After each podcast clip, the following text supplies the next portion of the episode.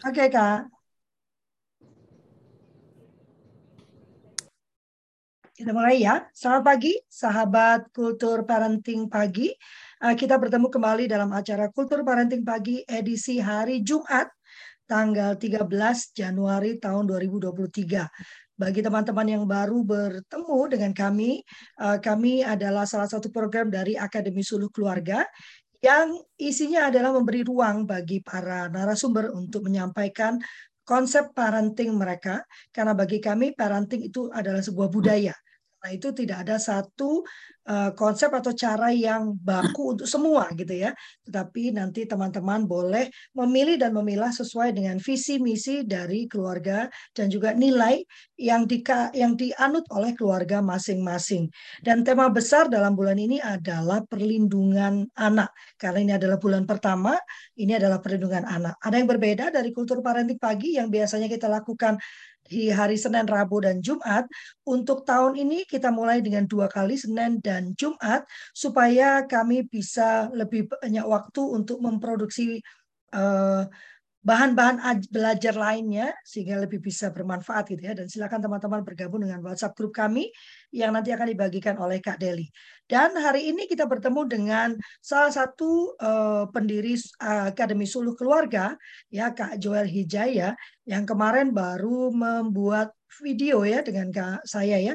Jadi tiap uh, dua hari sekali kami mengeluarkan video. Silakan ikuti di TikTok kami, juga Instagram ID kami, uh, Kak Deli membagikan selain uh, video yang kami buat tentang tips-tips mendidik anak, juga ada rangkuman dari kegiatan kita di tiap Senin dan Jumat. Dan bagian ini kita akan bicara tentang remaja karena Kak Joel ini uh, spesialisasinya remaja ya.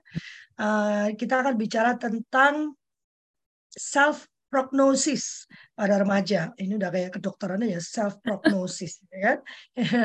nah, kita akan dengarkan dan silakan teman-teman menyimak dan mengajukan pertanyaan atau mungkin sanggahan apabila teman-teman melihat ada yang kurang pas gitu ya. Silakan Kak Joel. Oke, okay.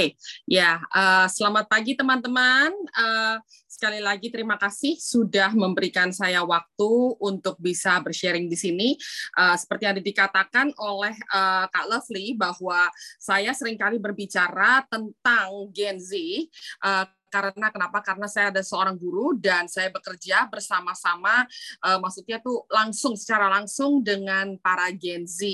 Maka um, uh, mungkin ya kalau secara secara pemahaman uh, siapa mereka dan juga seperti itu, mungkin karena saya bekerja setiap hari dengan mereka, uh, salah saya salah satu yang yang uh, harus mencoba untuk memahami uh, cara berpikir mereka atau cara bekerja mereka atau apa pun tentang mereka. Nah, hari ini topik pilih oleh um, uh, Kak Lovely adalah prognosis ya. Oke, sebelum kita masuk ke uh, topik itu ya, uh, saya akan membagikan uh, mungkin sedikit refresh kembali teman-teman uh, tentang uh, si Gen Z itu tersebut ya. Oke, okay, salah satu dari um, ini ada beberapa ciri khas daripada Gen Z. Uh, mereka adalah anak-anak yang sangat-sangat uh, uh, pandai ya, mereka smart, uh, mereka juga uh, cepat juga untuk bisa beradaptasi di dalam uh, a lot of um, different uh, uh, variations atau waktu dan mereka itu adalah sebuah generasi yang global. Ya saya ingat sekali waktu saya kecil itu saya sen, um, saya ingat waktu itu saya suka uh, apa namanya tuh uh, berkenalan dengan orang melalui yang namanya sahabat pena ya. Jadi itu saya punya sahabat pena itu bukan hanya orang saya waktu itu tinggal di Jakarta tetapi saya sekolah di Singapura tapi saya banyak sahabat pena tuh ada yang dari Malang ada yang dari dari Jogja atau apa karena saya tuh uh, kenal mereka melalui majalah Bobo gitu. Ya jadi itu saya melalui majalah Bobo terus akhirnya saya surat-suratan dengan sahabat-sahabat pena saya yang di Indonesia karena walaupun saya sekolah di Singapura saya kepingin punya teman-teman Indonesia. Jadi saya punya sahabat pena di Indonesia. Tapi kalau sekarang kita lihat bahwa anak-anak kita uh, yang um, Gen Z ya mereka itu punya teman itu bukan hanya uh, um, uh, seluas yang di Indonesia saja. Ada mereka tuh punya teman yang ada mungkin di New Zealand atau di mana entah nggak tahu negara mana seperti itu. Jadi mereka cukup visual ya, uh, sorry global ya. Dan anak-anak ini juga biasanya itu sangat visual dan mereka tuh bisa connect dengan um, dengan you know secara seperti tadi saya katakan karena mereka global mereka juga bisa koneksi dengan um, uh, uh, you know berbagai uh, generasi bukan hanya generasi mereka juga. Ada mereka bisa berkoneksi dengan orang yang generasi sebelumnya dan sebagainya. Oke ini sedikit um, sedikit perkenalan saja. Terus um, Uh, selain daripada itu karakteristik daripada mereka adalah mereka uh, seperti yang kita ketahui mereka digital native yang di mana mereka dibesarkan dari kecil sudah mengenal yang namanya social media. Kalau seandainya kita sebagai orang tua mereka mungkin kita itu mengenal sosial media pada waktu kita sudah dewasa. Tapi kalau mereka secara kecil pun mereka sudah mengerti gitu. Nah, sesudah itu itu kehidupannya itu serba cepat gitu. Jadi mereka we call it speed demons ya. Karena kenapa? A lot of things yang mereka uh, yang mereka um, alami itu serba instan ya. Karena memang mereka hidup di dalam percepatan dunia yang sedemikian rupa. Maka kita uh, dengan uh, secara tidak langsung mereka juga uh, ter membiasakan diri dengan sesuatu tuh yang cepat dan juga mereka tuh mau segala tuh yang you know instant gratification. Mereka adalah entertainment addicts yang dikatakan kenapa? Karena karena yang tadi kita katakan bahwa mereka adalah digital native ya di mana pun mereka berada tuh mereka sudah yang uh, berhubungan dengan uh, social media ataupun sebuah perangkat. Jadi nggak ada tuh yang namanya otaknya diberi di, di, di, di, diberi waktu untuk bisa beristirahat gitu. Mereka sedang di dalam bus ataupun menunggu um, you know transportasi atau menunggu teman atau mungkin sedang ngantri di bank atau bagaimana pun mereka bisa mengentertain mereka sendiri dengan apa? Mungkin dengan um, lihat story uh, IG story ataupun mereka um, baca Twitter atau apa dan sebagainya. Jadi itu basically um, mereka itu uh, otaknya itu di, se, se, secara secara 20 um, bukan 24/7 ya, tetapi lebih pada waktu waking hours mereka itu selalu dipenuhi oleh sesuatu ya. Oke. Okay. Nah, um, topik kita hari ini adalah self prognosis. Self prognosis itu apa? Sebenarnya kata prognosis itu adalah secara tidak langsung itu seperti di, mendiagnosa. Nah, seti, berapa daripada kita itu sering kali kalau seandainya ada ada merasa tidak enak badan atau misalnya uh, merasa lagi kayak meriang-meriang sumeng-sumeng dan sebagainya itu instead of going to the doctors ya mungkin kalau misalnya zaman dulu kita kecil ya kita rasa nggak enak badan dan sebagainya ya sesudah diberikan you know uh, obat oleh orang tua mungkin untuk sementara tapi langsung kita bilang oh itu dokter yuk ya kan? Kalau seandainya waktu dulu kita kecil kan seperti kita ke dokter.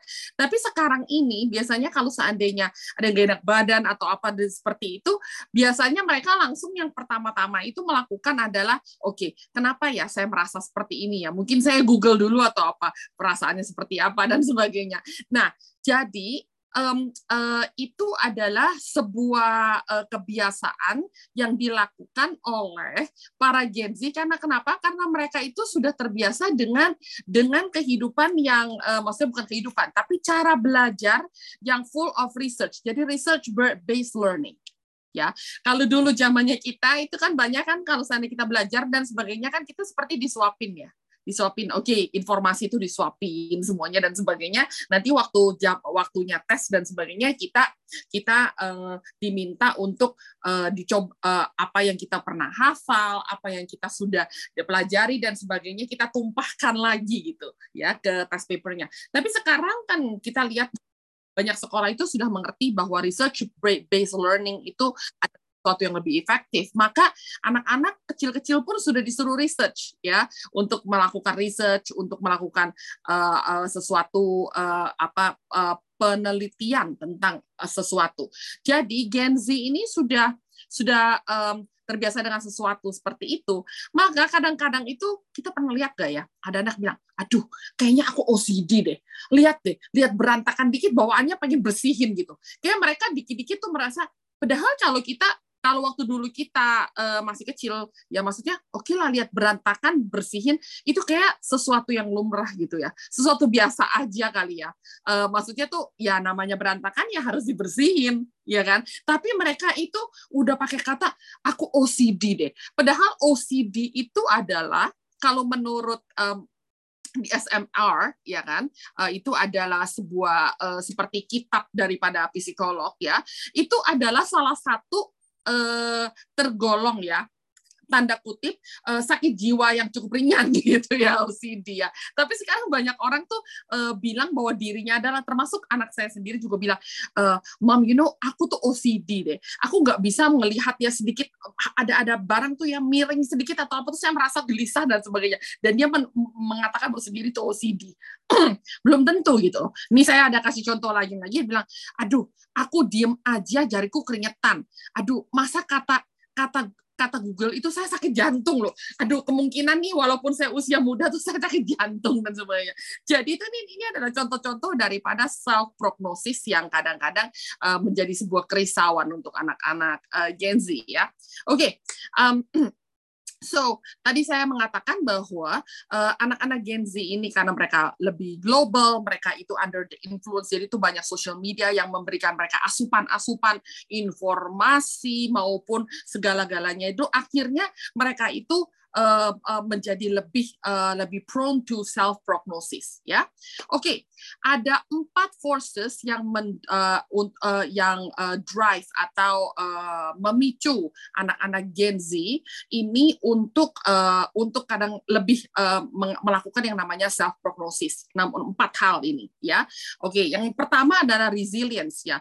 Mereka itu merasa bahwa uh, secara secara maksudnya tuh mereka itu bisa seperti bola bekel gitu loh. Mereka merasa bahwa bahwa mereka itu cukup cukup uh, bisa menghadapi hal-hal yang mereka uh, yang yang uh, di maupun di antara mereka. So mereka merasa bahwa dengan dengan uh, mereka melakukan self prognosis itu ya, mereka itu cukup pintar atau cukup uh, cukup handal untuk bisa uh, menganalisa apa yang terjadi kepada mereka atau sekitar mereka. Oke, okay?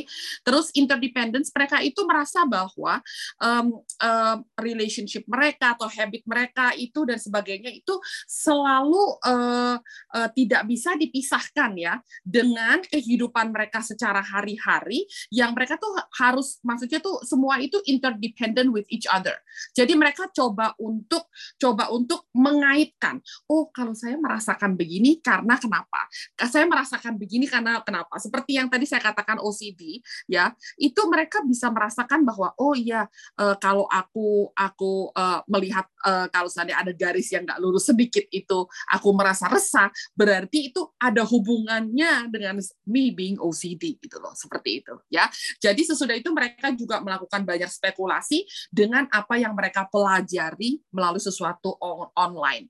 Dan juga um, uh, yang yang terakhir adalah being haptic itu adalah mereka itu um, uh, bisa memblendkan, uh, menyatukan apa yang mereka baca, mereka lihat, mereka dengar dan sebagainya mengaitkan dengan kehidupan mereka secara uh, sehari-hari.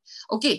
jadi um, menurut research yang dilakukan oleh uh, sebuah institusi uh, dikatakan bahwa anak-anak uh, ini yang di Gen Z itu mereka lebih prefer untuk uh, melakukan diagnosa atau prognosis gitu ya. Secara in person daripada mereka kalau uh, apa namanya untuk mereka uh, pergi misalnya uh, to like a doctor atau misalnya mereka tuh pergi ke ke fasilitas yang sebenarnya lebih bisa terpercaya dan sebagainya kalau ada mereka yang tidak merasakan kayak nggak enak atau apa.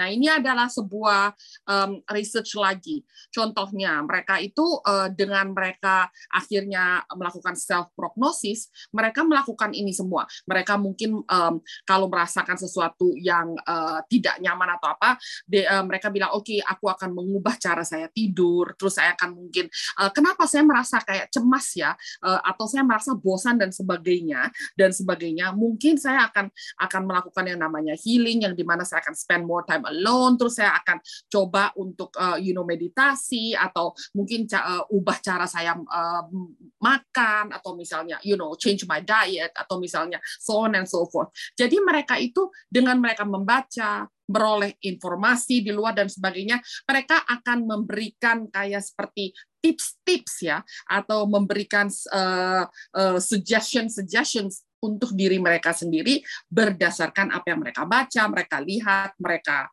you know uh, uh, mereka dengar dan sebagainya. Oke. Okay?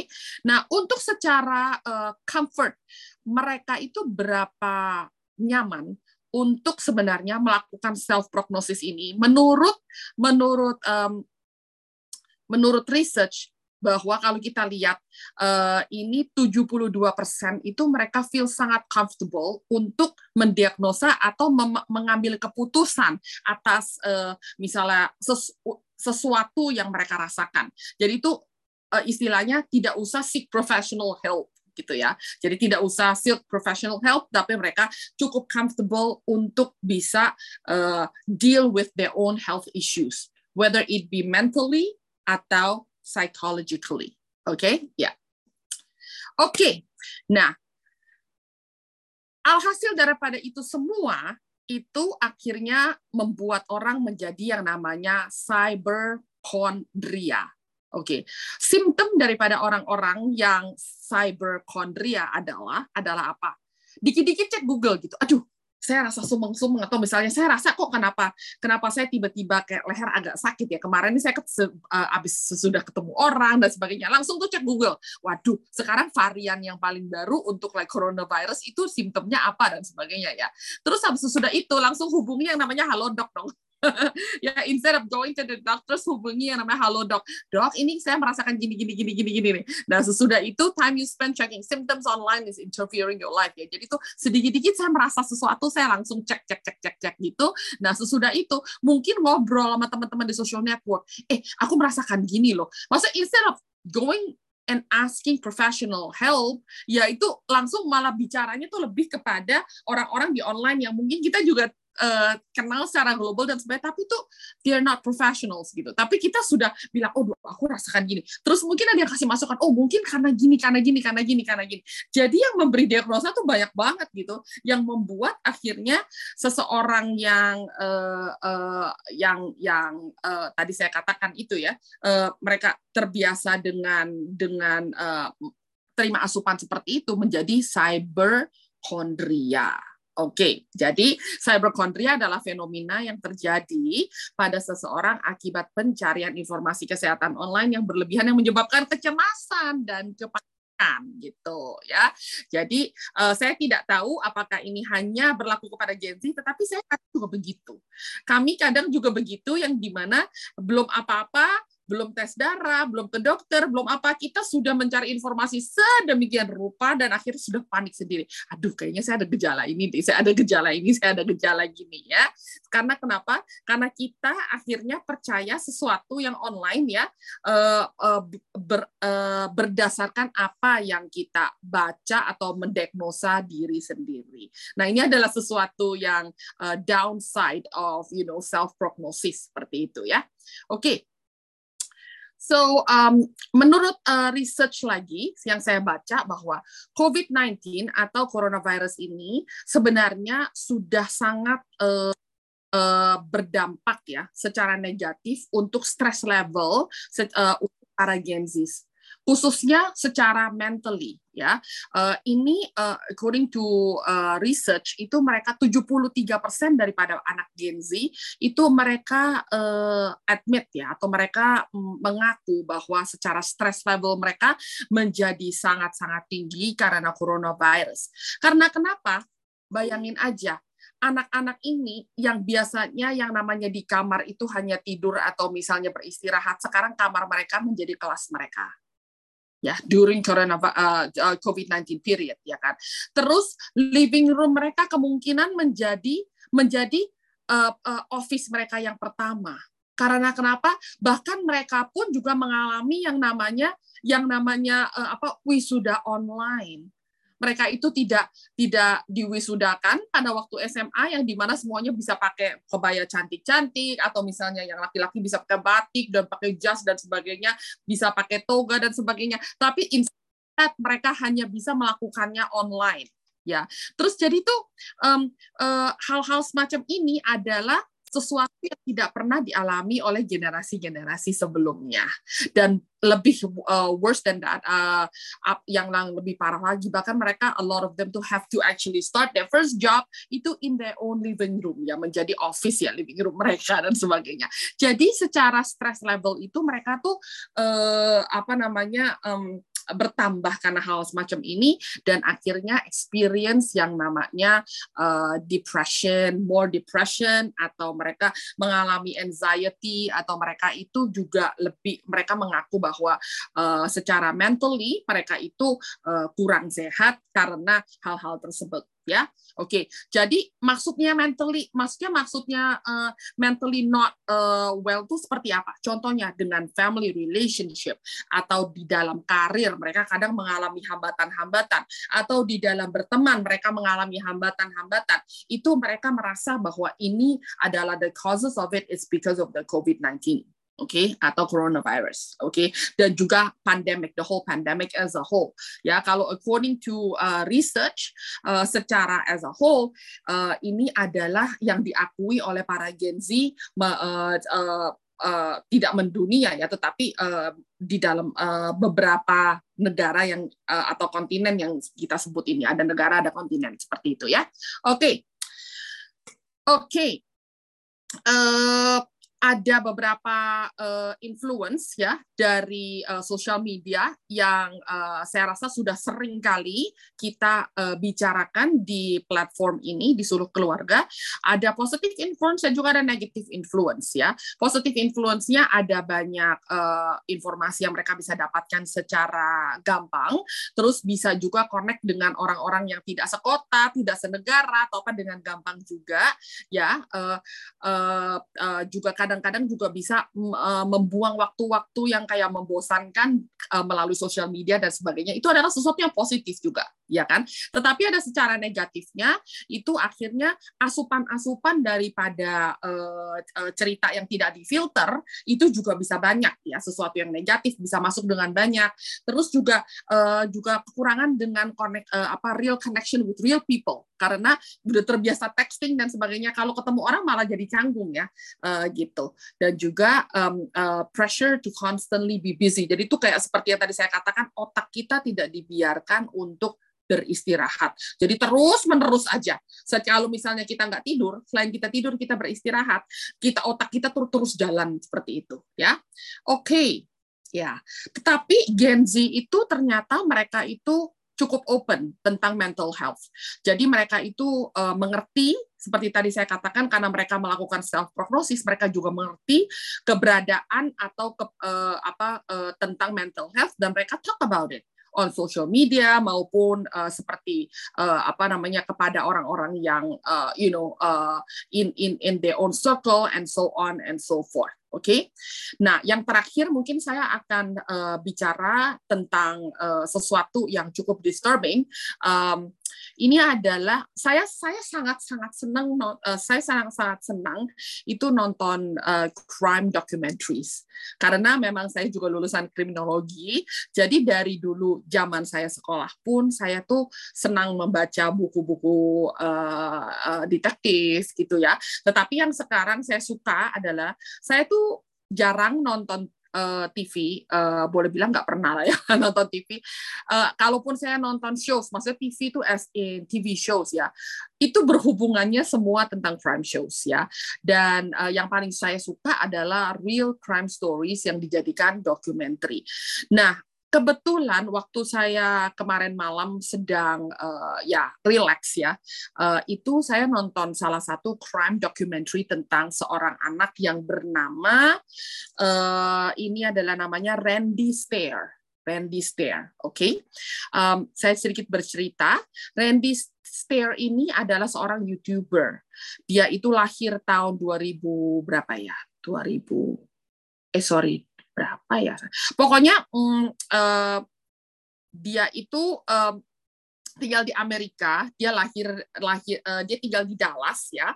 Dan uh, Randy Stair ini adalah seorang youtuber pada saat dia uh, di di masa uh, usianya yang sekitar uh, dia tuh mulai jadi youtuber tuh dari sejak dia kecil lah jadi sejak dia kecil dia sering uh, masuk ke YouTube untuk kayak uh, videotape himself. Kayaknya kalau nggak salah uh, sejak dia umur 10 tahun, 12 tahun seperti itu. Sampai usianya yang uh, dewasa pada saat itu sesudah high school pun dan sebagainya, malah dia tambah sering upload dan sebagainya gitu.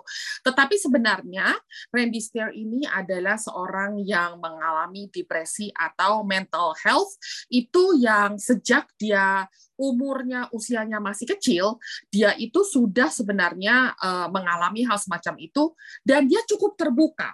Terbuka dalam hal itu dia sering ungkapkan bukan hanya melalui YouTube dia juga, tetapi bahkan di tulisan-tulisan dia dia ber, dia mengatakan bahwa di sekolah pun pada waktu dia menulis artikel atau menulis kayak cerita dan sebagainya, itu dia selalu tuh uh, kayak mencoba mengungkapkan bahwa there is something in him yang uh, yang yang perlu diperhatikan. Dan dia bilang di dalam YouTube dia bahwa tidak ada seorang dewasa pun yang melihat simptom ini, termasuk guru dia atau orang tua dia dan sebagainya tidak ada. Dia dia bilang bahwa the signs were there. I put up the signs so blatantly out there for people to notice, to see that I needed help. Dia bilang gitu. Ada or, uh, saya tuh perlu bantuan, saya tuh perlu pengarahan dan sebagainya. Tetapi nobody cared, nobody, uh, uh, you know, uh, uh, talk to me atau nggak nggak ada satu orang pun yang sebenarnya tuh uh, mengerti bahwa jeritan hati dia seperti apa dia bilang begitu. Ya orang bahkan waktu dia uh, mengal, uh, memberikan you know uh, asupan YouTube yang aneh-aneh dan sebagainya yang yang cukup mengerikan dan boleh bilang sedikit abnormal uh, in terms of uh, you know uh, uh, footage-nya gitu penontonnya itu memberikannya adalah likes. Memberikan likes uh, dan juga akhirnya dia uh, mendapatkan um, a lot of like followers dan sebagainya. Tetapi tidak ada satu orang pun yang merasakan ada sedikit aneh. Singkat cerita satu hari di tahun 2017 uh, sebenarnya itu sudah beberapa bulan sebelumnya itu dia sudah merencanakan sebenarnya dia sudah mengatakan tentang dia tuh mau mau, mau mati gitu loh mau mati tetapi dengan cara yang yang uh, apa um, mau men, uh, menggegerkan seperti itu. Ya singkat cerita dia juga berkerap uh, sering sekali sebenarnya berbicara soal obsesi dia terhadap uh, you know ada pada saat itu uh, ada yang we call it the Colombian uh, killers ya. Ada orang yang pergi ke sekolah, dua anak muda, itu yang tiba-tiba menembak banyak anak-anak kecil ya, dan akhirnya dia bunuh diri. Dan dia tuh cukup obsesi dengan dua orang ini, dan dia sering berbicara tentang hal-hal ini di dalam YouTube dia.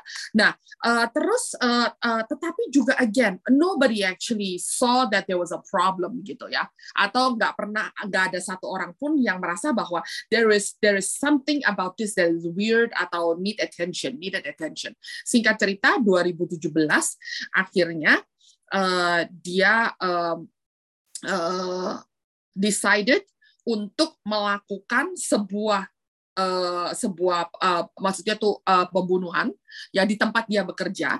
Dan itu through flipping of coins. Itu sebelum sebelum kayak uh, berapa jam sebelum dia melakukan itu bahkan dia posting video videonya di uh, YouTube-nya, terus abis itu ada ada juga dia punya Twitter dan sebagainya. Again, nobody noticed that he was going to do something so bad gitu ya.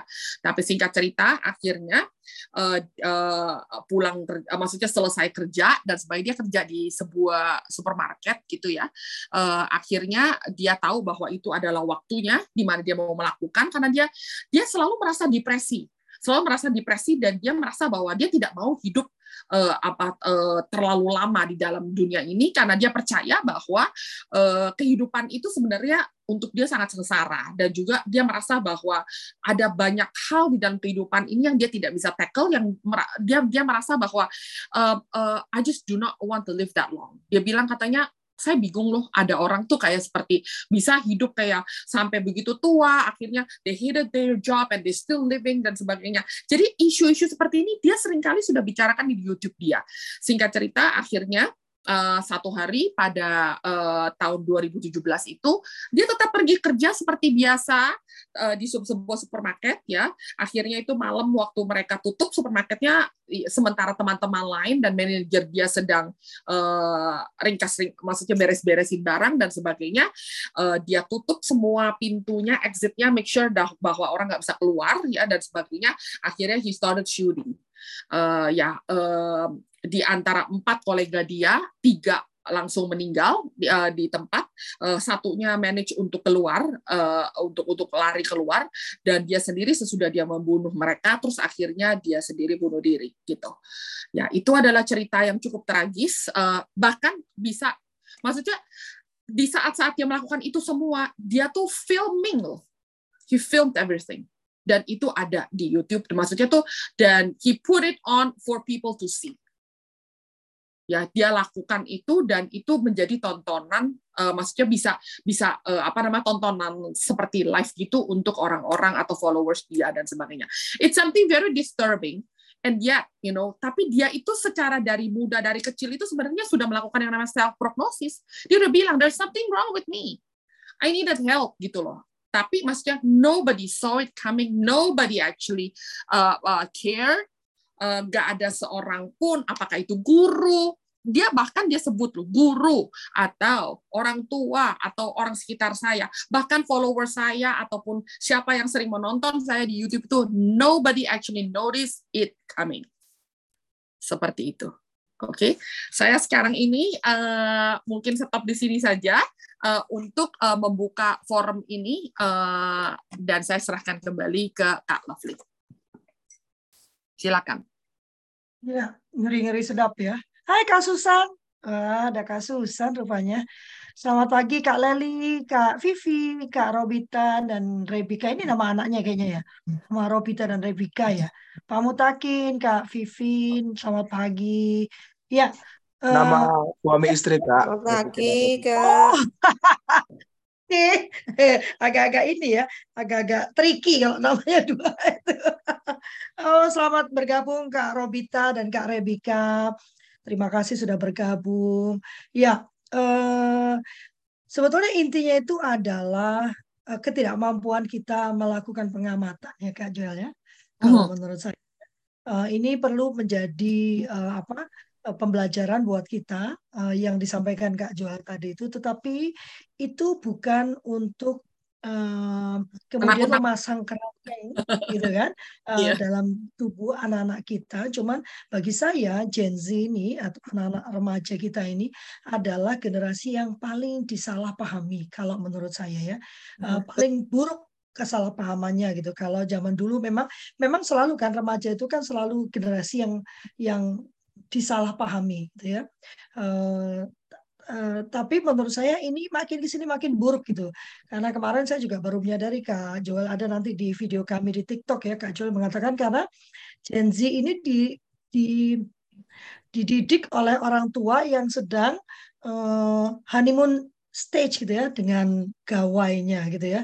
Jadi uh, orang tua yang mengira bahwa pemberian gawai itu adalah yang terbaik gitu. Makin mahal mereka bisa memberikan gawai, makin cepat itu terbaik. Tapi kemudian dampak buruknya uh, mereka tudingkan pada anak-anak yang uh, yang yang tidak yang nggak benar gitu ya. Kemarin kita bicara tentang permainan ya Uh, kalau seumur hidupnya, kalau kita lihat sekarang anak bayi-bayi ya baru umur uh, begitu bisa duduk, yang diberikan adalah uh, gadget ya, YouTube-nya ditontonkan gitu kan. Bahkan yang belum bisa duduk karena sekarang ada kayak belalai gitu ya, yang bisa uh, megangin uh, handphonenya itu. Uh, kalau saya lihat di di apa penjualan-penjualan online itu kan, jadi untuk kalau kita ada malas mau tidur masang ya Tuhan gitu ya, don't you have a a husband or something to to to have a fight with gitu sebelum tidur gitu ya.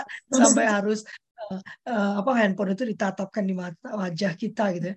Nah itu yang membuat mereka tidak punya hidup lain gitu kan ya kak Joel ya kemarin kita diskusi ya tidak tahu kehidupan di luar itu dan uh, kalau melihat dari sampaikan kak Joel berarti pengajaran atas high order thinking itu makin sangat penting gitu kan hmm. uh, kalau dia tidak terbiasa berpikir high order atau berpikir tinggi uh, dan kritis analitis maka uh, apa self prognosis itu benar-benar akan menjadi bencana karena hmm. dia akan mengambil dari satu sumber dan sangat mempercayainya sehingga menimbulkan stres yang luar biasa tinggi dan itu yang menyebabkan uh, mereka uh, rentan terhadap uh, bunuh diri, rentan terhadap stres yang berlebihan gitu ya hmm. karena tidak mencari dengan uh, dengan baik dan tidak punya orang untuk diajak berbicara. Nah, hmm. adakah teman-teman ingin uh, berbagi, bertanya gitu ya terkait dengan fenomena anak remaja kita? Gen Z sebetulnya sudah beberapa sudah tidak remaja lagi ya. Uh, sudah menjadi dewasa muda ya. Uh, dan saat ini disebut sebagai generasi strawberry lah. Itu saya agak kurang-kurang gimana gitu ya. Marilah kita tidak usah mengkotak-kotakkan lagi gitu ya. Tidak usah menyebutnya dengan dengan usah melabeli gitu ya. Karena label itu selalu membawa pada keburukan. Kak Sinta Kak Leli Kak Vivi, Kak Rizky, Kak Janita, Kak Rini, Kak Rusmin, Kak Rusmin nggak bisa ada di jalan. Kak Robita dan Kak Rebika, Kak Vivi, Pak Mutakin, Kak Feni, ini kok uh, Pak Irwan nggak muncul ya? Oh, Pak Irwan sedang di ini dia. Dia sedang ikut uh, pesantren tapi khusus untuk lansia. Keren ya. Jadi dia sedang Oke, ada di gunung. Kak. Lovely. Ya, Kak Feni, silakan. Uh, sekarang ini kan para remaja nih Kak uh, lagi musim cosplay ya. Apakah itu juga salah satu satu aktualisasi diri buat mereka ya. Cuman kalau saya lihat sih cosplay juga nggak terlalu ini ya, nggak terlalu ada jeleknya juga. Mereka juga bagus dan mereka punya komunitas yang bagus banget ketika ada Aktif salah ya, ya? satu ya? salah satu yang melakukan tindakan kurang nyaman itu akan menyebar ke seluruh komunitas yang lain dan mereka juga merasa hmm. aman-aman saja dan nyaman-nyaman saja. Hmm. Cuman yang jadi pertimbangan itu kan baju-baju cosplay yang terlalu terbuka yang kadang-kadang hmm. orang tua orang tua zaman-zaman dahulu itu kan memandangnya kan memandang agak agak-agak gimana termasuk okay, gitu ya. normal-normal yang kurang baik. Tetapi pada intinya anak-anak ini senang gitu loh kak. Jadi kan kita harus mulai apa ya memulai anak-anak ini senang tapi juga normanya juga tidak tidak kelihatan yang yang mengganggu banget gitu. Gimana ini Kak? Makasih. Silakan Kak Joel. Aku punya saudara di Amerika Kak Joel ya. Uh, kalau ya. waktunya itu ya cosplay itu kan ada beberapa ya. Ada uh, apa tuh namanya yang uh, the anniversary of the death itu apa namanya? Halloween oh. ya. Ya, ya. Lalu ada uh, apa ada acara-acara itu memang ibu dan anak ini mother and daughter ini all out banget untuk uh, jadi nggak cuma daughter ya mamanya yang usia aku all out banget dalam untuk cosplay ini. Silakan Kak Joel. Iya, saya Atau sendiri. Kak Joel juga all out juga kalau cosplay dia.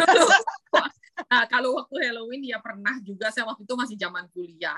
Saya itu dress up sebagai nenek sihir. Itu saya tuh uh, make up muka saya itu uh, berapa berapa lama ya sekitar hampir satu jam saya tempelin tisu-tisu pakai lem gitu, tisu-tisu gitu, jadi benar-benar keriput banget seperti itu.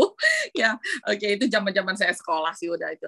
Oke, okay, tetapi cosplay ada sedikit berbeda dengan Halloween ya. Uh, mungkin cosplay itu lebih kepada yang um, sesuatu yang berhubungan dengan anime anime itu kan ada uh, uh, asal usulnya itu kan dari Jepang ya, dari Jepang.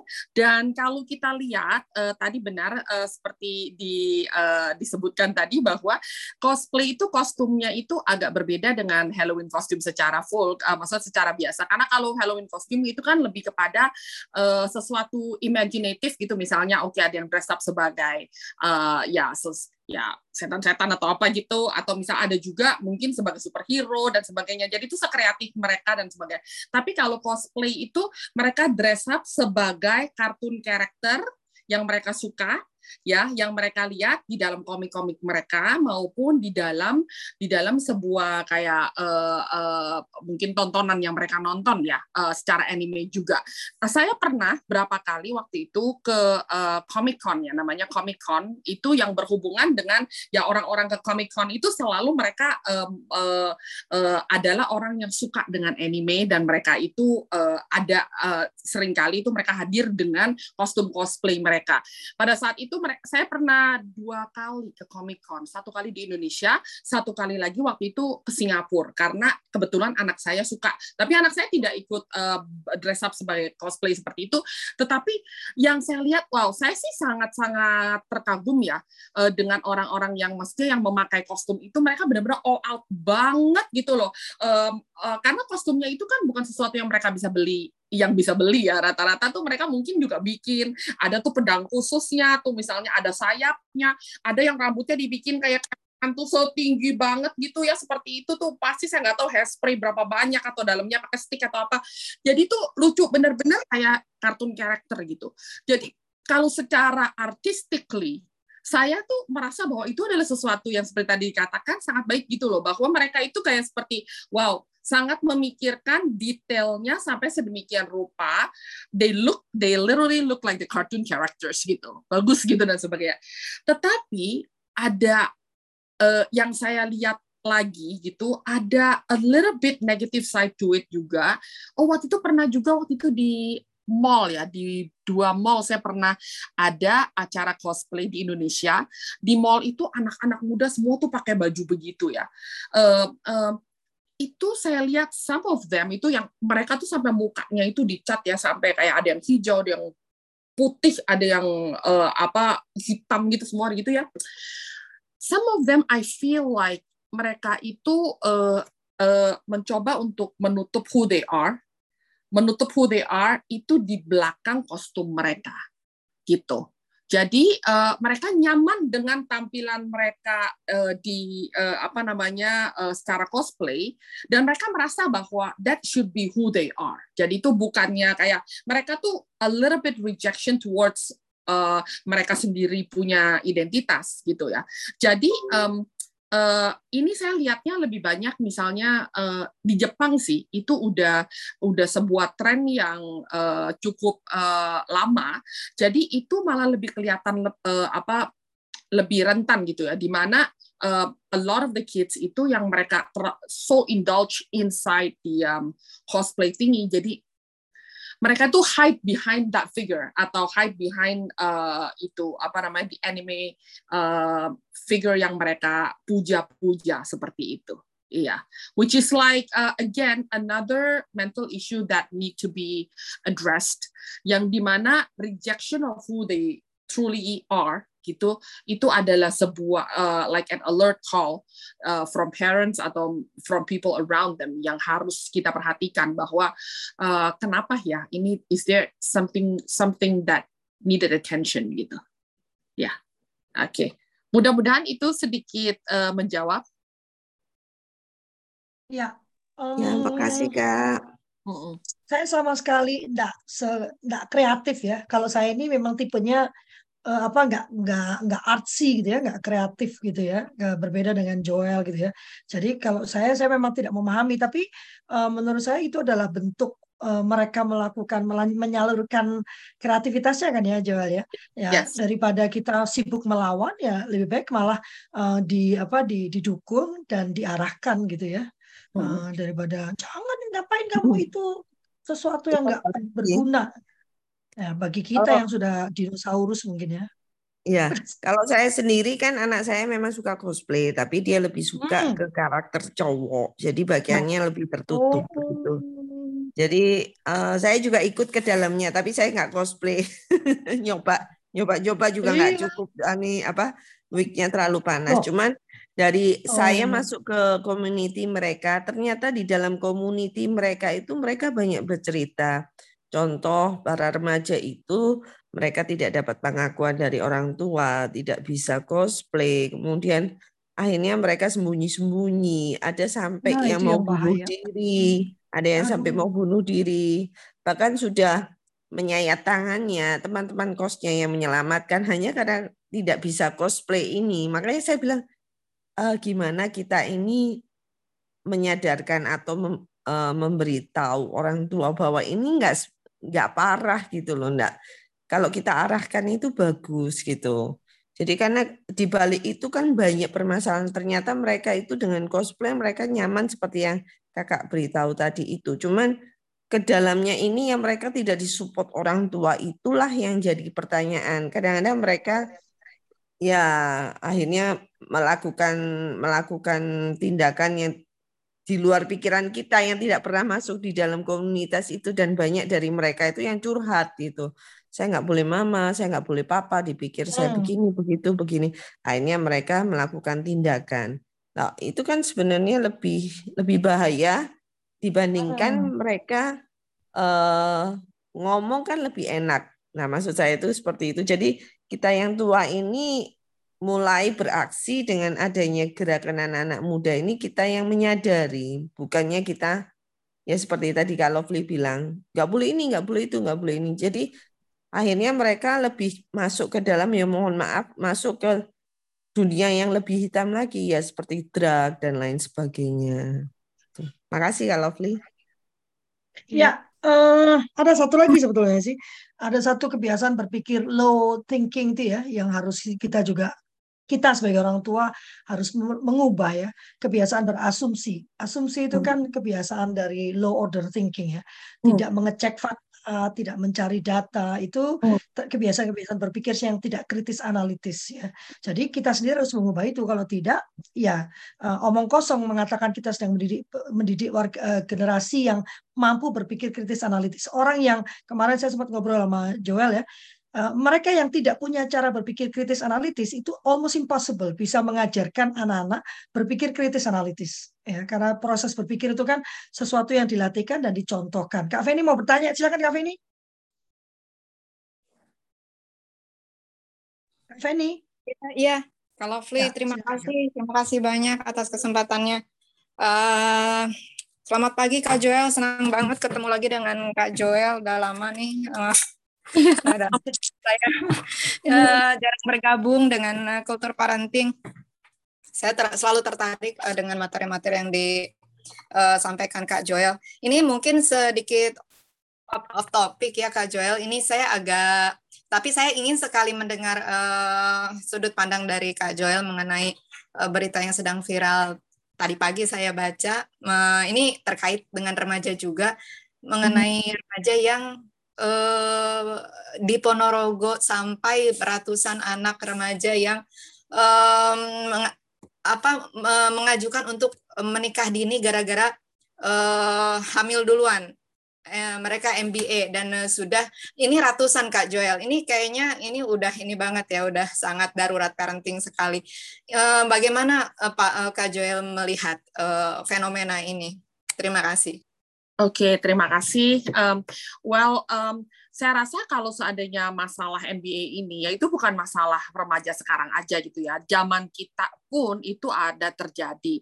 Tetapi perbedaannya karena sekarang ini adalah uh, zaman yang di mana informasi ataupun mereka uh, keterbukaan itu itu sudah menjadi sebuah konsumsi uh, yang maksudnya mereka tuh udah kebiasaan kehidupan mereka tuh menjadi konsumsi publik ya.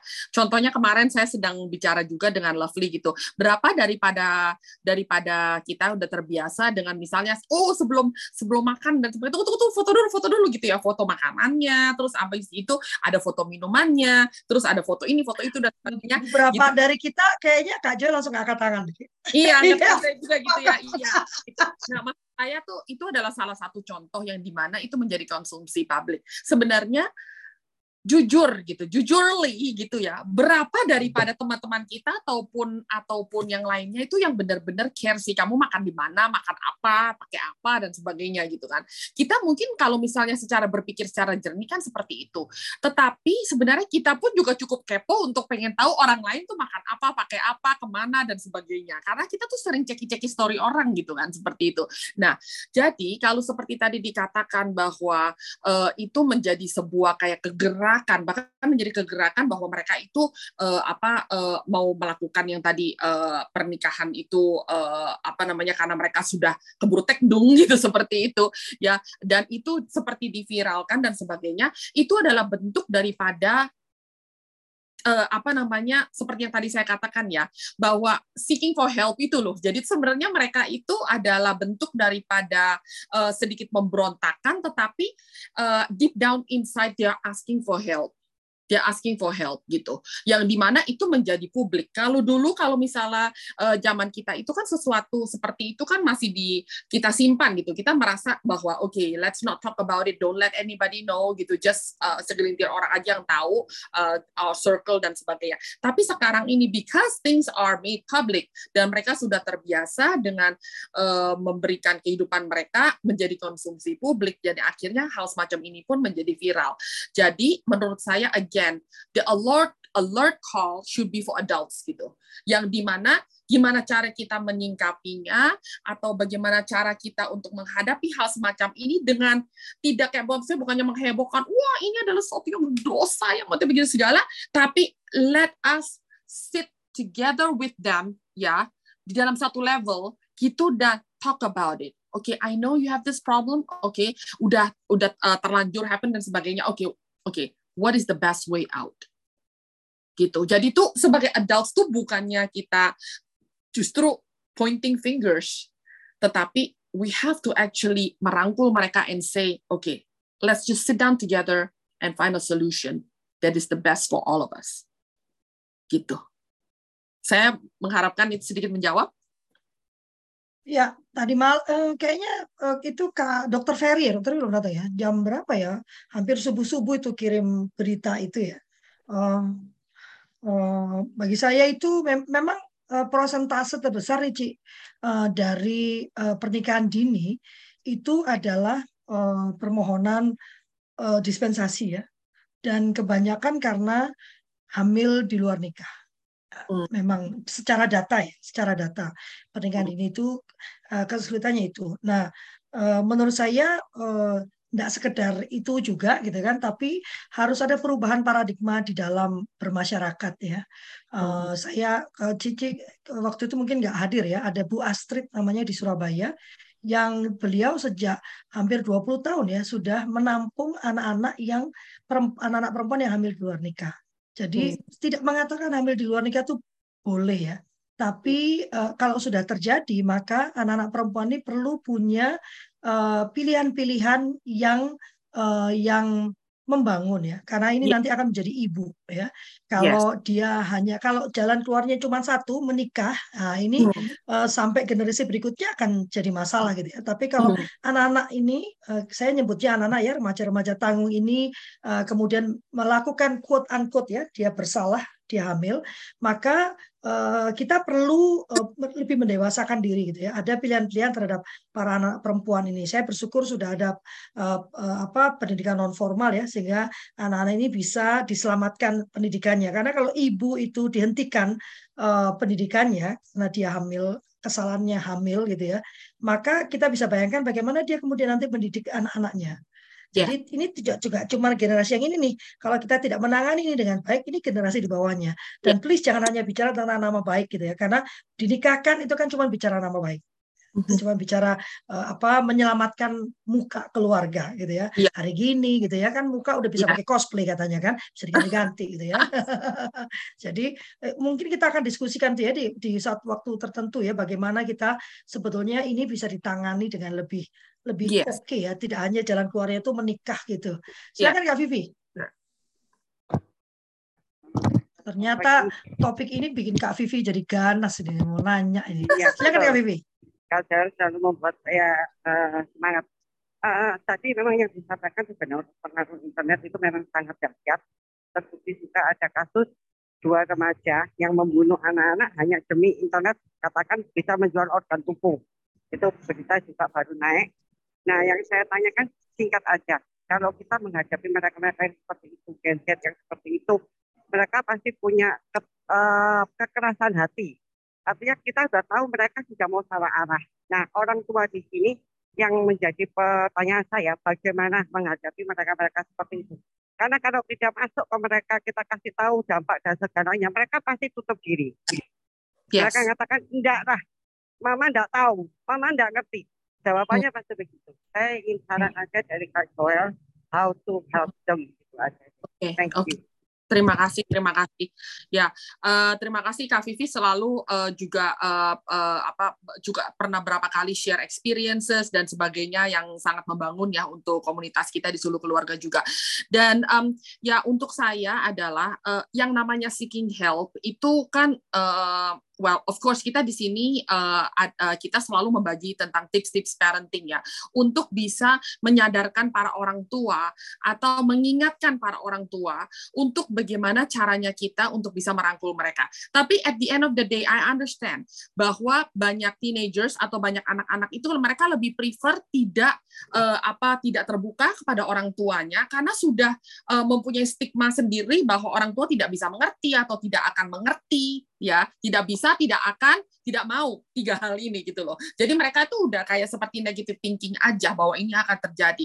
Jadi maka memang eh, itu adalah fungsi daripada misalnya contohnya saya adalah seorang guru itu banyak anak-anak curhat kepada saya itu karena mereka merasa bahwa orang tuanya itu tidak akan ngerti tidak mau ngerti dan tidak tidak bisa ngerti gitu. Jadi tuh eh, eh, guru juga penting dan juga eh, bahkan juga sebagai orang dewasa nih saya percaya bahwa kita juga eh, eh, eh, tahu ya hal-hal semacam ini mungkin kadang eh, you can be an aunt you can be an auntie eh, atau apa sih an uncle yang sebagainya yang yang bisa dijadikan tempat curhatan juga gitu. Atau misalnya kalau seandainya di sini ada yang aktif eh, bekerja dengan remaja di tempat you know eh, beribadah atau apa itu juga bisa menjadi eh, sebuah you know eh, eh, eh, sebuah eh, alert call untuk mereka juga. Atau kita sendiri when we know this kind of thing uh, is uh, happening gitu ya uh, kepada anak kita ataupun kepada apa gitu ya. Uh, kita sendiri yang sit uh, kita sendiri yang cari uh, help gitu. Ya misalnya contohnya dulu tuh banyak sekali orang tua murid yang berikan bisikan kepada saya. Eh aku nih merasa anak saya gini gini gini. Tolong dong kamu ceki ceki kenapa dia seperti itu. Gitu loh. Jadi tuh orang tua yang sebenarnya berikan kayak seperti masukan-masukan atau hin-hin kepada guru atau kepada saya waktu itu kepala sekolah ya bahwa seperti ini. Jadi saya tuh bisa korek-korek gitu. Ya karena uh, orang tua itu yang sudah memberikan uh, uh, kayak masukan-masukan bahwa anaknya kelihatannya gini gini. Jadi waktu saya mencoba untuk masuk ke anak-anak itu saya udah ada sebenar sebenarnya saya udah ada kayak kisi-kisinya gitu dari orang tuanya. Jadi itu kita bisa masuk langsung ke tempat yang tepat gitu dan sebagainya.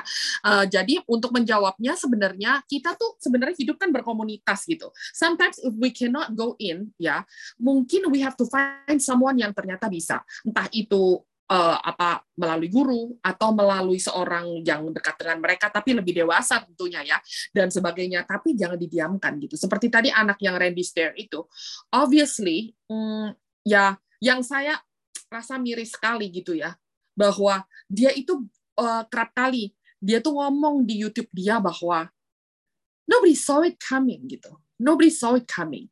It's out there that I told them gitu ya bahwa there's a problem with me gitu. It's so obvious dia bilang gitu, tapi nobody saw it coming. Saya percaya bahwa kalau seandainya ada satu atau dua aja uh, orang dewasa yang yang melihat bahwa ini adalah sebuah alert call and he needed help gitu, nobody could help him. Mungkin hal itu tidak akan terjadi kepada Randy Stair gitu. Iya. Jadi uh, uh, kembali lagi, uh, if we can't help, but we know there is a problem, then you know try and seek help elsewhere. That could be possible, gitu. Ya. Yeah.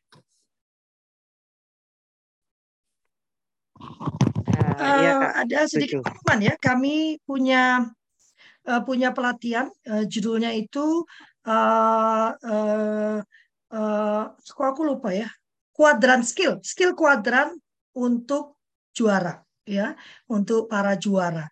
Uh, ada empat skill kuadran yang ditemukan oleh McKinsey ya. Uh, uh, McKinsey itu satu uh, lembaga konsultan yang mendunia. Dia menemukan empat kuadran yang perlu dimiliki oleh kita, ya bukan hanya remaja ya, kita uh, untuk bisa berhasil dalam uh, karir dan kehidupan kita di masa depan. Dan empat kuadran itu akan kami latihkan pada anak-anak. Nanti akan ada pengumumannya ya. Dan bulan depan, no no no, dua bulan ke depan atau bulan depan kalau nggak salah ya empat kuadran itu akan mulai kami diskusikan satu persatu. Jadi nanti ayo ikuti terus uh, cukilan-cukilannya di Kultur Parenting Pagi. Nanti kalau tertarik akan ada seminar di bulan Februari terkait empat kuadran tersebut dan Anda bisa mengikuti. Ada bukan seminar ya, ada weekend course untuk anak-anak ya mhm. di, di mulai dari Februari tentang empat kuadran tersebut. Tapi nanti ada pendalamannya Ya, jadi yang weekend itu untuk incip-incip gitu ya, eh, untuk tahu seperti apa sih. Tapi kalau Anda ingin anak-anak benar-benar berubah dan memiliki empat kuadran itu, Eh, kita akan punya pelatihannya dan jangan khawatir uh, Joel punya pengalaman ya uh, tentang hal itu dan tersertifikasi dari Amerika ya uh, uh-huh. untuk melakukan pelatihan itu dengan harga yang pasti jauh lebih murah dari kelompok-kelompok yang sudah besar ya. Nah, jadi silakan gabungkan anak-anak dengan kami uh, dan juga terima kasih Kak Vivi ya. Uh, silakan terus bergabung dengan Kultur Parenting Pagi, bergabung dengan WhatsApp grup kami Suluh Keluarga. Sudah jam 8 Bisulu ini kedengaran loh Joel biasanya udah uh, uh, uh, ya ini biasa hari ini nggak ngajar jadi oke. Okay. oh. Kalau nggak biasanya kan udah jam 8 udah tank mesti udah ribut ya gitu.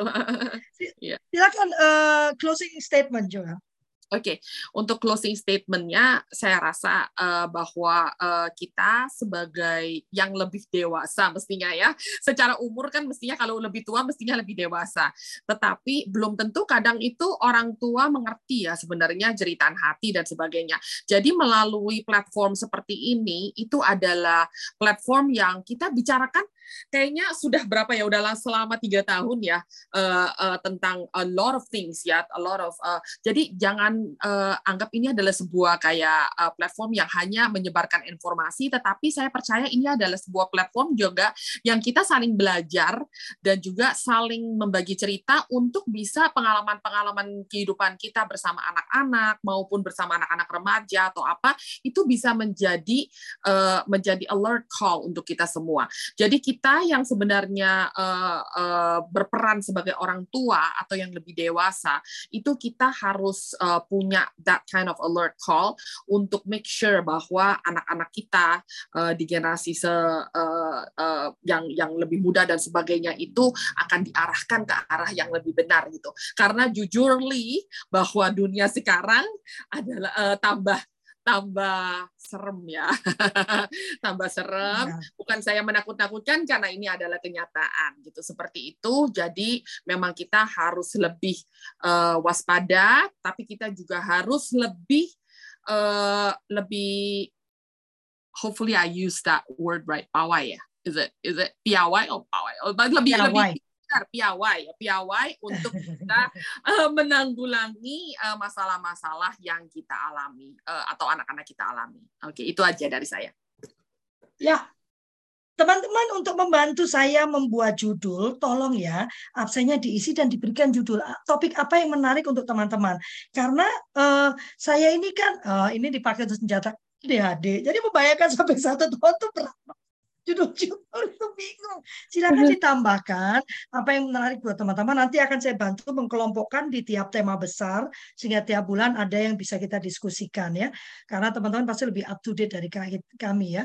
Eh, dan sebetulnya kita bisa menunda itu semua ya kengerian-kengerian terjadi apalagi generasi alfa dengan cara mau sedikit repot ya jangan supaya nggak terlalu repot anaknya langsung kalau dulu waktu Raka kecil peperangan Eh, parenting itu adalah melawan TV sebagai pengasuh. Jadi oh. kebanyakan dulu kita tuh kan TV dijadikan pengasuh, anaknya ditaruh di depan TV, gitu ya. Nah, sekarang nggak pakai TV, kita juga nggak nonton TV, tapi kita juga perlu melawan menjadikan gadget itu sebagai pengasuh anak. Belajar nyanyi dari YouTube, belajar ngomong dari YouTube. Nah, terus fungsimu itu apa? Apa gitu ya. Nah, mari kita coba mencegah atau menunda itu terjadi dengan kembali melibatkan diri seperti ayah ibu kita dulu melibatkan dirinya secara aktif di dalam hidup kita, di dalam kehidupan kita dan merebut cinta kasih anak-anak alih-alih ke gadgetnya, tapi cinta kasihnya ada pada kita sebagai orang tuanya. Yeah. Kita ketemu lagi di hari Senin. Uh, saya lupa ya judulnya hari Senin ya. Cuman uh, tahun ini saya agak kesulitan juga mencari teman yang bisa berbicara karena tahun ini sepertinya semua kegiatan sudah hampir full blown semuanya offline ya dan kita tetap uh, apa bertahan pada online. Jadi uh, bantu saya teman-teman kalau juga punya para pembicara narasumber yang menurut teman-teman bisa kami kontak silahkan kami sangat terbuka gitu ya agar makin banyak apa ya pandangan-pandangan yang bisa kita dapatkan. Terima kasih Kak Deli, kita akan berfoto dulu. Uh, silahkan dikeluarkan hatinya. Oh, Kak ininya udah hilang. Oh, aku pikir Kak Dani udah hilang sinyal.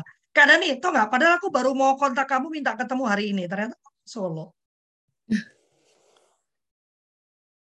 Tadinya mau ngajak ketemu, pada kadinya ke Solo. Ke Solo. Oke, okay. uh, eh, kita akan bertemu lagi di hari Senin. Eh, dengan topik yang berbeda, tapi masih dengan tema besar perlindungan anak.